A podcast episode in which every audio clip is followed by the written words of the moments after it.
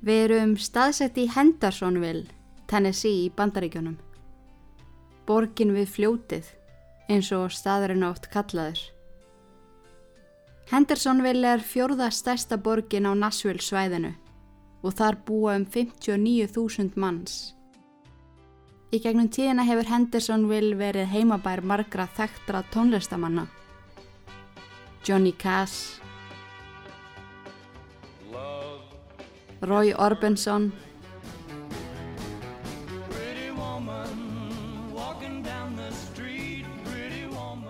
Taylor Swift,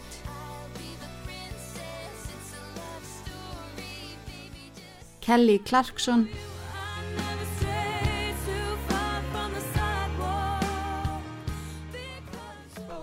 Ed Sheeran og Chris Henderson úr hljómsveitinni Three Doors Down svo ekkur er séu nefndir. Hendersonville hefur einnig að geima marga sögufræga staði sem að var í gaman að heimsækja. Til dæmis The Rock Castle sem er fyrrum heimili Daniel Smith, skipstjóra og hershauðingja í bandarísku byltingunni 1775 til 1783. Mannskers Fort sem er nákvæm eftirlíkinga virki sem reist var árið 1779. Þú getur keftir miða inn í virkið og ferðast aftur í tíman og upplifað lífstíl landnema. Glæpatíðnin í Hendersonville er ekki há. Borgin er á topp 50 lista yfir svæði þar sem er gott að alveg börn og hætta að vinna, spila golf og slæka á. En það koma vissilega upp glæpir þarna, eins og allstaðar í heiminum. Frægasta upplýsta glæpamálið sem átti sér stað í Hendersonville árið 1966 var þegar Vernon Shipman myrti þrjá einstaklinga á samt ástmanni sínum. En málið fekk á sig gælunafnið Hendersonville Heritage Murders. En málið sem ég ætla að segja ykkur frá í dag, sem átti sér stað í Hendersonville, Tennessee, brenni merti sig í sögu borgarinnar. Mormál sem að var svo hræðilegt að fólki hrildi við að ganga fram í heimilinu sem að morðið átti sér stað á. Við ætlum að skoða mál Zachary David sem var aðeins 15 ára gamall þegar hann var dæmdur í fangelsi fyrir morð. Og spurningin er, fættist Zachary vondur eða var hann ansettin af djöfli eins og margir halda fram? Við skulum komast að því.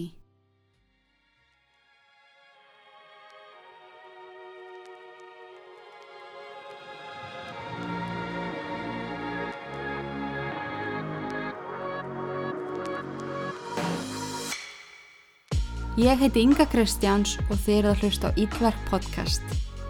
Þessi þáttur er í bóði save.is og skuggihár.is.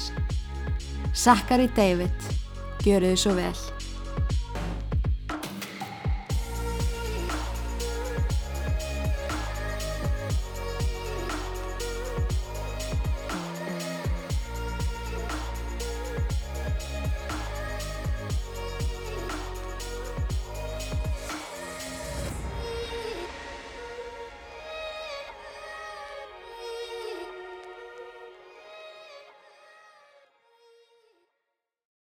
Melanie var 45 ára gömul áströls kona sem að flutti ung til Hendersonville í Tennessee til þess að giftast ástinni sinni, Chris David, en þau kynntust á ferðalagi hans um Ástralíu. Melanie var ekki lengi að taka þá ákvörðun að flytja til bandaríkjana, þar sem að það að ferðast um bandaríkin hefði verið draumur hennar frá því hún var lítil stelpa. Þau komu sér vel fyrir í litlu húsi á róleri götu mentuðu sér bæði og stunduðu íþróttir af kappi. Bæði reynduðu fyrir sér í þrýþraut og náði Melanie virkilega góðum árangri á því sviði. Chris var mun meira fyririldi en Melanie, flakka á milli starfa og þyrsti að prófa alls konar. Á meðan Melanie hafði laungu ákveði hvaða starfstjætt hún ætlaði að leggja fyrir sig. Lögfræði. Eftir útskrift fekk hún starf hjá lögfræði skrifstofu skamt frá heimilið þeirra. Hún var allt þeirra hjónaband, aðilinn sem að kefti saltið í gröytin, eins og maður segir.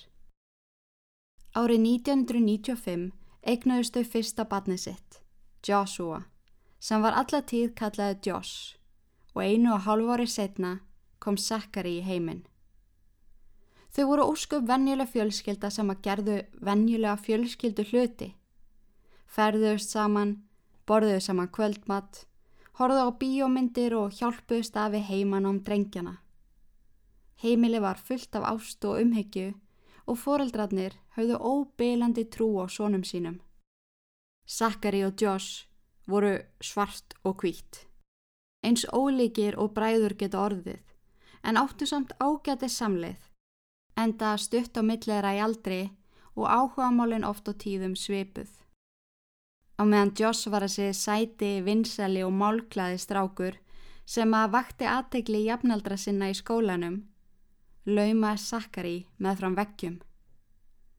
Hann var ekki mikið gefinn fyrir innihalslaug spjöll, útileiki eða félagskap almennt. Hann unni sér langt best, aðleit. Hann var þögull, feiminn og oft á tíðum fannst krökkum í skólanum hann skrítin og undalegur. Árið 2007 lést Chris úr ALS eða Lou Gehrig's disease en það er mjög aggressífur taugakerfi sjúkdómur sem að hefur áhrif á taugafrömmur í heila og mænu, ásandi að valda hröðu tapi á vöðvastjórnun. Skiljanlega tók þetta virkilega á fjölskylduna. Melanie var í mikill í hjartasorg og sinni þeirra, sem að voru þarna nýju og ellefara, voru reyðir guði fyrir að taka pappa sinn. Melanie reyndi eins og hún gat að vera sterk fyrir strákana þótt að hún væri sjálf niður brotin. Joss náði fljótlega að koma lífi sínu aftur í venjulegt horf á meðan Zachary glýmdi við djúft þunglindi. Melanie átti virkilega erfitt með Zachary. Hann vildi ekki tjá sig, eða kannski kunnan ekki að tjá tilfinningar sínar. Hún kom honum til barnasálfræðings sem að bæði rætti við hann og kom honum áfram í frekari greiningaferli þar sem að honum fannst ansi augljóst að hann glýmdi við geðrana kvilla. Læknirinn tjáði mömmans að með réttum verkværum væri hægt að hjálpa honum, þar sem að hann var svona ungur þegar gripið var inni. Sakari sagði sálfræðingnum að hann heyrði í rattir. Hann gæti samt ekki útskýrt hvað rattirnar sögðu nákvæmlega við hann, en hann heyrði þær stanslust og stundum trubluðu rattirnar samtöl og kennslustundir. Sakkari greindist með ofsókna geðklofa og alvarlega deburð eða þunglindi. Geðklofi er geðsjúkdómur sem að felur í sér breytingu og hugsun, hegðun og tilfinningum og kemur vanilega fram við úlingsaldur. Fólk með geðklofa upplifir oft hræðilegar ofskinjanir og ráng hugmyndir, svo sem að ykkur sé að reyna að drepa það. Tal geðklofa sjúklinga getur verið samhengislaust. Einni geta líkamsenginni þeirra verið flöt og svift öllum tilfinningum. Þetta er svona almenn lýsing á geðklofa en algengustu enginni ofsókna geðklofa, sjúkdóminu sem að Sakari þjáðist af, eru ráðaleysi, taugaveiklun, undali hegðun, afskiptaleysi og reyði. Þunglindið sem hann þjáðist af stóði yfir í margar vikur í senn og engendist að miklu vonleysi og deburð. Þunglindi var beintengt við fráfall föður hans, en deburði mjög algengi í kjölfar þess að fólk missir eitthvað sem að það elskar. Eftir nokkra tíma með barna sálfræðingnum sagði Sakari honum að núna var hann búin að fatta hver væri alltaf að tala við hann. Hann vissi hver átti röttina í höfðina honum. Nú, hver er það? spurði sálfræðingurinn. Pappi. Pappi tala við mig allan daginn og stundum alla nóttina. Maður getur rétt ímynda sér áhrifin sem þetta hafði á svona ungan strák. Hann náði aldrei að einbeta sér því að rattirnar trubluðan og stundum náðan lítið sem ekkert að sofa því að rött pappans hjælt fyrir honum vöku. Það að vera illa sofin getur ítt verulega undir enkenni geðsjúkdóma.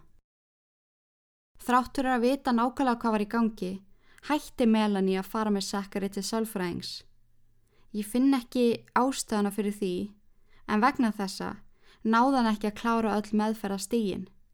Hann fóri í gegnum fyrstu tvo hlutana en hætti svo áður en hann komst á þriðja stig sem er bataferlið. Þegar það leiða úlingsárin, svona í kringum 13-15 ára, varð Sakari enn feimnari og lokaðri. Á meðan bróður hans blómstraði. Sakari gekk í sömu hettupeisunni nánast í samfleitt í marga mánuði.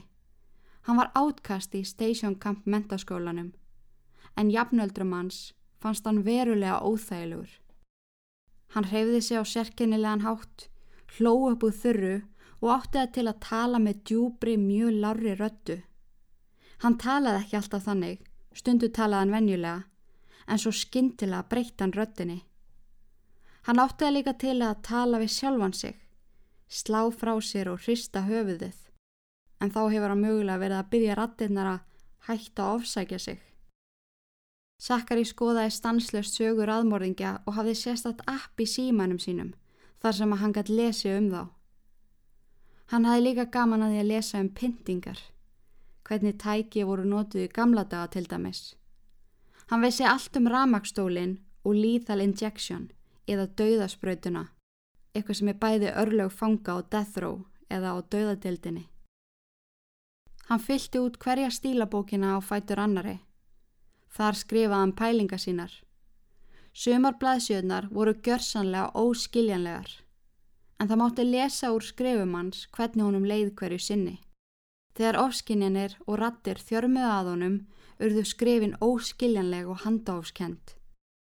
Hann elskaði líka að lesa glæpaskáldsögur Stephen King og hans uppáhaldsetning sem að Sakari skrifað út um allt í alla sína stílabækur var You can't spell slaughter without laughter. Þegar hann var ekki að skrifa, skoða sögu pyntingatækja og raðmörðingja, spilaði hann ofbeldisfulla Playstation 12-leiki. Amma Sakari segi setna meir að Melanie hafi ekki áttað sig á því hversu ótrúlega veikur sonur hann var. Hún sá ekki sólina fyrir honum, henni fannst hann og bróður hans fullkomnir. En það voru svo mörg rauð flögg og margir hlutir sem að hann hefði alls ekki átt að vera að gera, til dæmis að spila þessa óbeldisfullu tölvuleiki. Hann hefði átt möguleika á eðlilegu lífi ef hann hefði haldið áfram að hitta sálfræng og fá viðiðandi meðferð. Þótt hann hafi aldrei sínt óbeldisfulla hegðun, þá var hann tekkandi tímasprengja.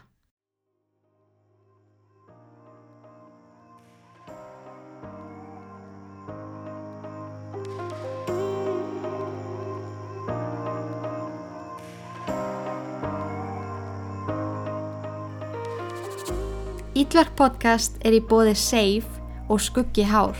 Og ég má til með að segja ykkur aðeins frá sem geggiðu fyrirtækjum sem að ég verð hrifnari af með hverjum deginum sem líður. Safe.is opnaði nýverið, bæði versluna laugavegi 39 og vefverslununa save.is sa2e.is Hjá þeim er hægt að kaupa í fyrsta sinn á Íslandi heima tannkvittunarkitt sem er einfalt í nótgun, tannlækna approved og ber nótgun þess gríðala mikinn árangur. Þú getur sagt bless við rándýrar tannkvítuna meðferðir og gert þetta heima hjá þér upp í sófa. Þú getur auðveldlega farið upp um fjögur byrtusteg á fyrstu tveim vikonum ef þú nota kittið samvisku samlega eftir leiðbenningum. Kíktu á úrvalið inn á save.is og neldur í heima tannkvítuna kitt. Skörtum saman bjartara brosi í sumar.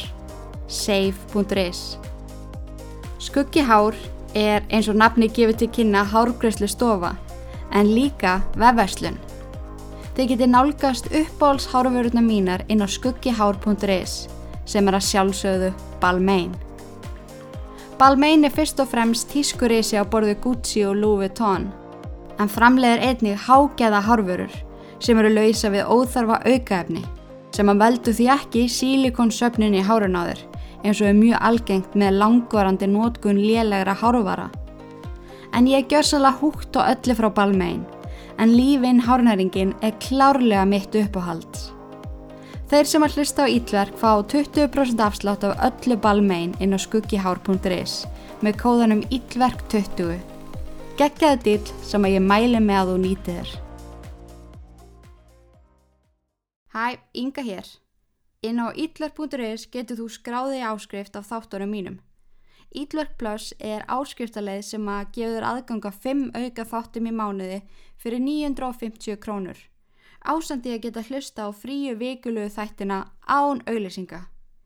Endilega skoðu áskriftarleiðina inn á ítlark.is. Takk og bless!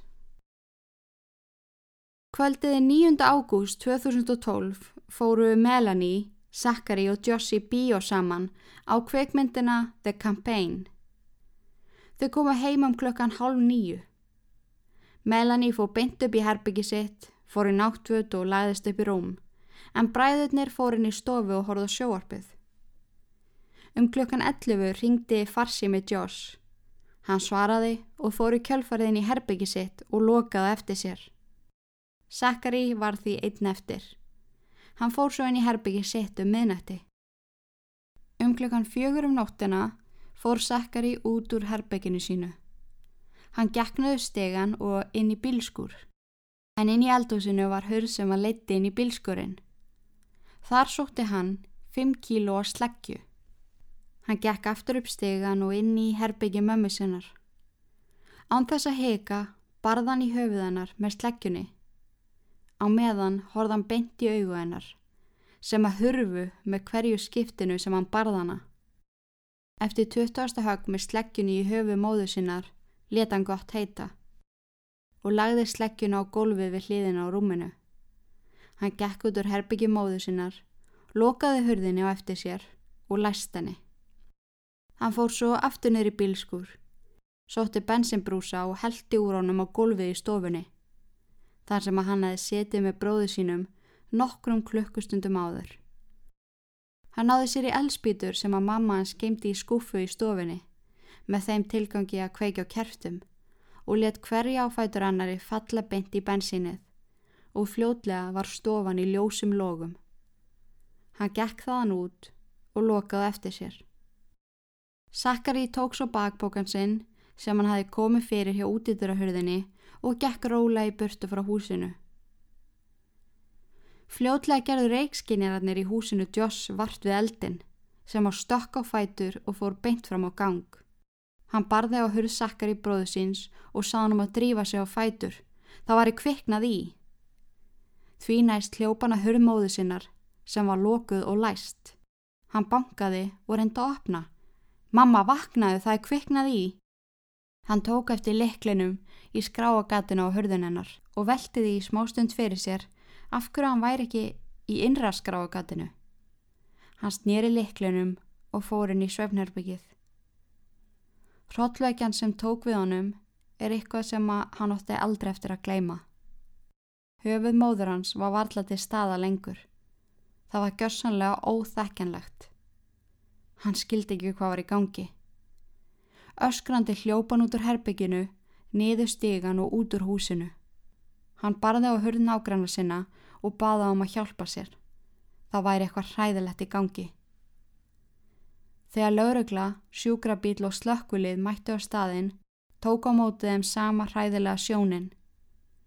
Það var hægt að slökkva eldin tiltögulega auðveldlega þar sem að Sakari hafi loka hurðinin í stofu sem að kæfði niður eldin.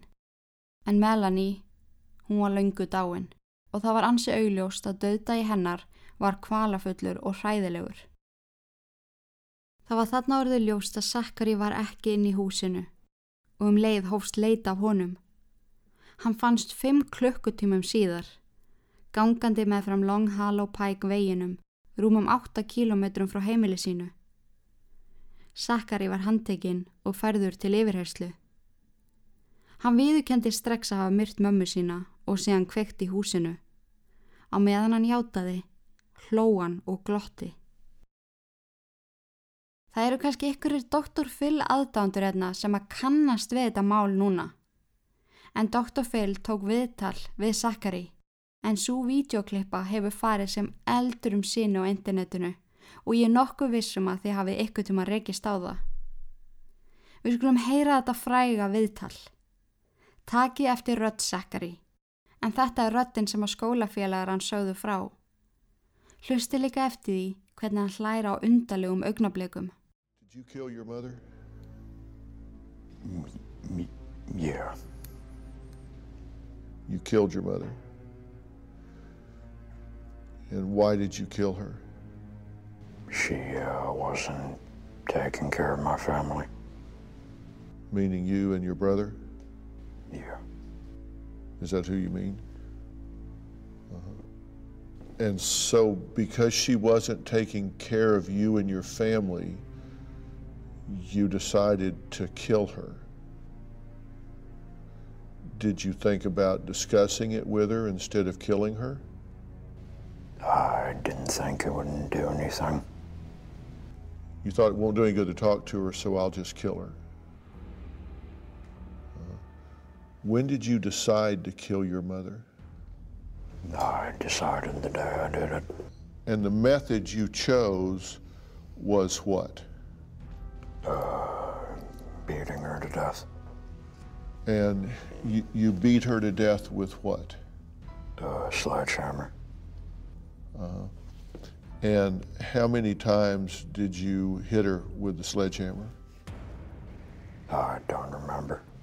About. Did you hit her once or did you hit her 10 times or 100 times? I'd say about 20 times. Was this a three pound sledgehammer, five pound sledgehammer? I don't know. Heavy, Yeah. way bigger than a hammer. right? Mm-hmm. Yeah. And where did you hit her? In the head. Where was she when you did this? She was in her room. What was she doing? She was uh, asleep. Okay, so your mother was asleep in her room, and you opened the door and went in there? Okay, and you, you need to help me understand here. You're standing outside her bedroom door. You've got a sledgehammer in one hand, you've got your hand on the doorknob with the other, and you open that door. What's going through your head at that moment? I don't remember. My mind was pretty much blank. Where did you get the hammer? I uh, got it from our garage. Did you go out to the garage to get it that night? Uh huh.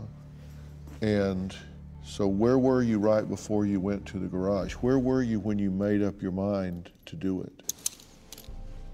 I was in the living room. Why kill her that night? Why not kill her a week earlier or a week later? Something made that night the night. I had enough. You had enough? Why that day? I just uh, thought it was a good time. You remember opening the door, right? It wasn't locked? It wasn't. Did you stand there and look at her for a minute before you did it? Yeah. Did you say goodbye to her in your mind? No. And when you swung that hammer the first time, did you swing it hard? Yes. Did you swing from over your head? Mm-hmm. I mean, was this a big swing from over your head? Did she make a noise? I could just hear the hammer hitting her head. And what did it sound like? There was this uh, wet thumping sound. How long before you hit her the second time? just a few seconds. Did you think she was already dead? Uh, she woke up and she started uh, seizing up. Did she look at you? I looked into her eyes, but uh, she didn't look at me. Are you sorry that your mother's dead? Yes, Why? I feel bad for doing it. But at the time you laughed, why feel bad now? I think it was a stupid thing to do. You wrote a, um, a journal entry. The killing was August 10th at 11 p.m. And on August 11th, this would be the next morning, you wrote, I killed Melanie and left Josh alive to suffer. I didn't feel anything when I killed her, even when her blood splattered on my arm and her brain matter was thrown onto my shirt. I didn't feel remorse, hate, or even satisfaction. My only true regret was that I wasn't able to give her a faster death. I didn't want her to suffer. Do you remember writing that? Oh, I think so. On October 17th, you wrote, I've been in jail for nearly two months. Even here, I'm a pariah, but I've ceased to care. That stopped bothering me years ago. The best part is that once again I'm in Sumner County, home sweet home. It's a bit hard to sleep when your father talks to you all night, no matter how many times you tell him to shut up. Have you felt like a pariah all of your life? No. Did you ever feel like everybody else? Did you ever feel like all the other kids? Do you ever feel like you fit in? When I was little, When did you first start feeling different? I'd say after my father died. Did you get depressed after he died? I think so. Do you need help? Is there something wrong with the way you think?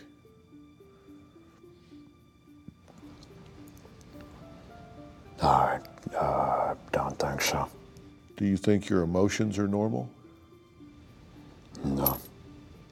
What's different about your emotions? What's wrong with them? I feel numb Do you ever cry? sometimes. What makes you cry?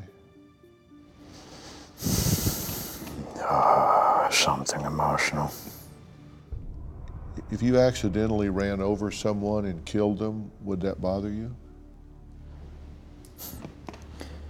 I, uh, if it was an accident, I don't think so. You smiled again when I asked you that. Why did you smile when I asked you that? I was just uh, thinking of something. What were you thinking? Something uh, about my family. Uh-huh. Can you tell me what it was? I don't know how to describe it to you. Það var ekki fyrir enn í april 2015, þrem árum eftir morðið, sem að réttuhaldin yfir Zachary Davis fóru fram. Hviðdómur samanstóð af sjö mönnum og fimm konum. Það var rétta yfir honum sem fullotnum einstakling, en þarna var hann orðin 18 ára gamall. Hann fór inn í réttuhaldin sem ósakhæfur vegna geðveiki. Ray Whitley, saksóknari, sagði að Zachary hefði greinilega ákveðið þetta, þar sem að hann fannst á gangi með bakboka. Í bakbokanum voru föt, tampusti, hnífur, sápa, gríma, hanskar, eitthvað sem að benti til þess að hann hafi ætlað að flýja. Hann var búin að ákveða það fyrirfram að drepa mömmu sína og bróði sinn. En Zachary segi sjálfur að hann hafi ákveða að gera þetta þetta kvöld. Og þegar hann var einn eftir í stofunni, hafa hann farið og pakkað í tösku og komið henni fyrir hjá útidýra hurðinni. Hann hafi svo beðið þar til allir voru sopnaðir. En það voru rattirnar í höfðinan sem að sögðunum að gera þetta. Verjandi Sakari tilkynnti í uppháfs yfirlýsingu sinni að kviðdómur myndi sjá hjáttningu hans á upptöku. En þótt hann hafi viðkjönd að hafa gert þetta, þarf það ekki endilega að vera. Það þarf ekki að vera að hann átti sig á því hvað hann var nákvæmlega játa fyrir. Hann hafi í langan tíma þjóst að ómeðhendlu um geðsjúkdóm. Hann greinir ekki munin á réttu og röngu. Hann veit ekki hvað er alvöru og hvað ekki. Hann getur því ekki búið ábyrð á gjörðum sínum. Bradley Freeman, sem að hafi þarna skoðað Zachary, Bara vittni um að Sakari hefði sagt honum að þegar hann draf móðu sína, gerðan það að beðni föðu síns. En eins og við töluðum um áðan þá dó hann árið 2007. Hann hafði frá því hann dó heyrt rattir í höfðinu. Einn þeirra var öll pappans. Hann taldi föðu sín vera að skipa sér fyrir að drepa móðu sína. Aðstofamæður hér að saksóknara, Tara Wiley, vísaði þessum fulleriðingum á bög þegar hún benti á að Sakari hefði ekki minnst á að heyra rött föðu síns fyrir en eftir fyrstu yfirherslu. Dr. Fríman tilkynnti svo að hann hefði endur greint Sakari með geðklofa en hann hefði fyrst fengið þá greiningu um tíara aldur. Hann sagði að vegna geðklófans gæti hann ekki hugsa raugrætt. Hann gæti ekki með nokkur móti skipulagt það og haft að hugsunaferli að fremja morð. Hann framdi þetta morð í geðrófi og vegna þess taldi Dr. Fríman ósennilegt að hann hefði skipilagt þetta fyrirfram. Annar sálfræðingur sem að hafi setið 30 sálfræðatíma með Sakari eftir að var handtekinn saði að hann hefði aldrei hitt mannesku sem er jafn ótengdur unnveruleikanum og tilfinningum sínum. Í gegnum öllir réttahöldin hló Sakari á manískan hátt og óveðandi tímum. Á þriðja degi réttahalda tók Sakari þá afstöðu að hann hefði ekki dreipið móðu sína. I didn't kill her, svo hló hann. Ég er að taka sökina fyrir bróðum minn. Hann drap hana með sleggjunni. En þetta var eitthvað sem að enginn hafði rætt við hann og enginn hafði heyrst áður. Randi Lucas, saksóknari, myndan á að það væri handskrifu hjáttning frá honum og hjáttning sem að hefði verið tekin upp á vídjó. Hann svaraði, ég drap hann ekki. Ákjæruvaldið hjælti áfram fram, þrátt fyrir geðsjúkdóma hans, að Sakari hafi skipulagt morðuð. Hann hafi skrifað áætlanir sínar í dagbókinu sína dagina fram að morðinu. Hann heldi niður bensínu og kveikti því. Hann var búin að undirbúa það að flýja. Hann hendi símanu sín múti í vegkant svo að var ekki hægt að reykja ferðir hans. Þetta allt saman hljómar ekki eins og vitstóla maður sem að vissi ekki hvað hann var að gera. Randi Ross saði svo við Sakari Það sem ángra mig mest er að þú hefur ekki sínt neina eftirsjá, enga yðrun, eftir að þú myrtir þína eigin móður aðeins 15 ára gamall. Sakari starði á hann og síndi engin viðbrögð, engin svebriði. Réttahöldin tóku óvanda stefnu þegar sínt var frá dagbók Sakari, en hún fannst í bakpókanum sem að hann hafi meðferðist þegar hann flúði að heiman. Í dagbókafæslu sem að var dagsett 10. ágúst 2012, sama dag og hann draf móðu sína, fullirti hann að bróðu sinn hefði nöðgað sér. Mér var nöðgað að bróðu mínum þennan dag fyrir nokkrum árum og síðan þá hef ég ætlað að drepa hann. Í kjölfara að morðinu hafði hann skrifað aðra dagbókafæslu. Ég draf Melanie og skildi Joss eftir til að þjást. Ég fann ekki fyrir neinu Ég fann ekki fyrir yðrun. Það eina sem ég sé eftir er að hafa ekki gefið henni hraðari dauða. Ég vildi ekki að hún myndi þjást. Þessar fulleringar sakk voru skoðar gömgefilega og komst í ljós að þetta var í fyrsta sinn sem að þetta kom upp. Og þegar Joss var yfirherður sagði hann að þetta var í mesta byll og þvæla sem hann hafi nokkuð tíman heyrt. Hann hafi elskað bróðu sinn.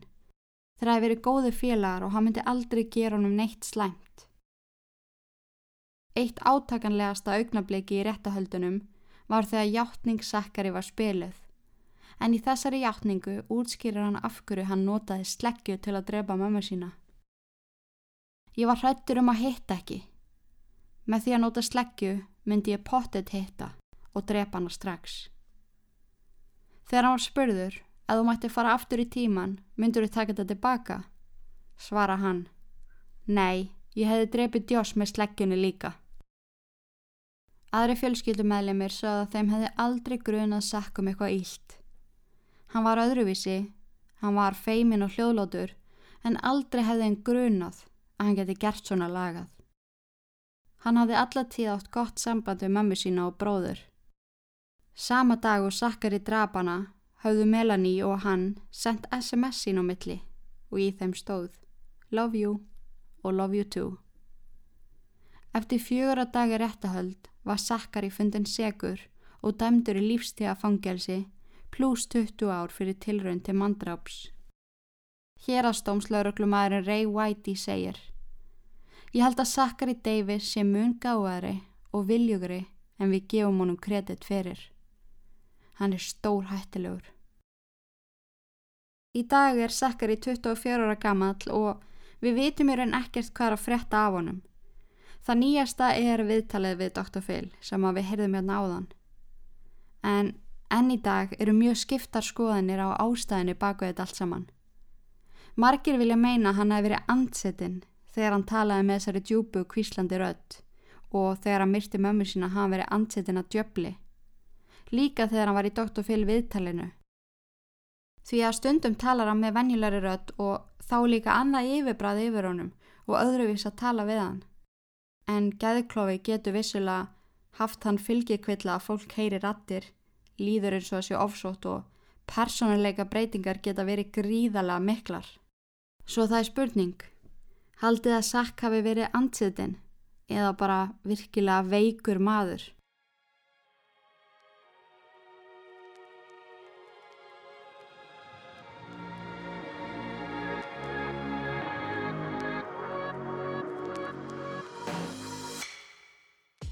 Það er svo magnað að taka fyrir mál sem að maður hefur vita af svona lengi.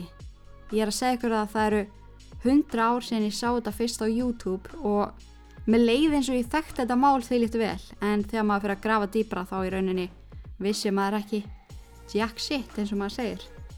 En ég vil þakka Eidísi Valgarsdóttur fyrir að hvetja mig til að taka þetta mál. En fyrir nokkrum dögum þá baði ég hlustendur um aðstofa mig við að finna mál til að taka fyrir inn á Facebook síðu podcastins og ég hveti ykkur auðvitað til að koma þangað. Grúpan heitir bara Íllverk og er lokuð en það er aðseftaði ykkur mjög fljótt ángað inn. En ég fekk margar mjög góðar ábendingar og ég mun klárlega að taka önnu mál sem að koma þannig fyrir. En að þessu sinni ákvæði að taka Zachary Davis fyrir. Það kann kella fyrir 80's Legend. En þá er þetta komið hjá okkur í dag. Þið sem að eruð ekki áskrift, þá sé ég ykkur næst eftir tvær vikur. En í mæ, júni og júli mun ég gefa út tvo fría þætti í mánuði. Nokkuðskunar sumaropnun. En áskrift og þættinir verða á sínu stað og koma út á sama tíma og alltaf. Það er hægt að skrá sér áskriftin á idlar.is ef ykkur langar í 5 auka true crime þætti á mánuði. Og meira magnaf segðandi röttinni minni bentin í eirnagönginu okkur en takk kærlega fyrir að hlusta.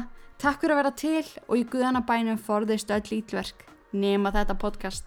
Verið sæl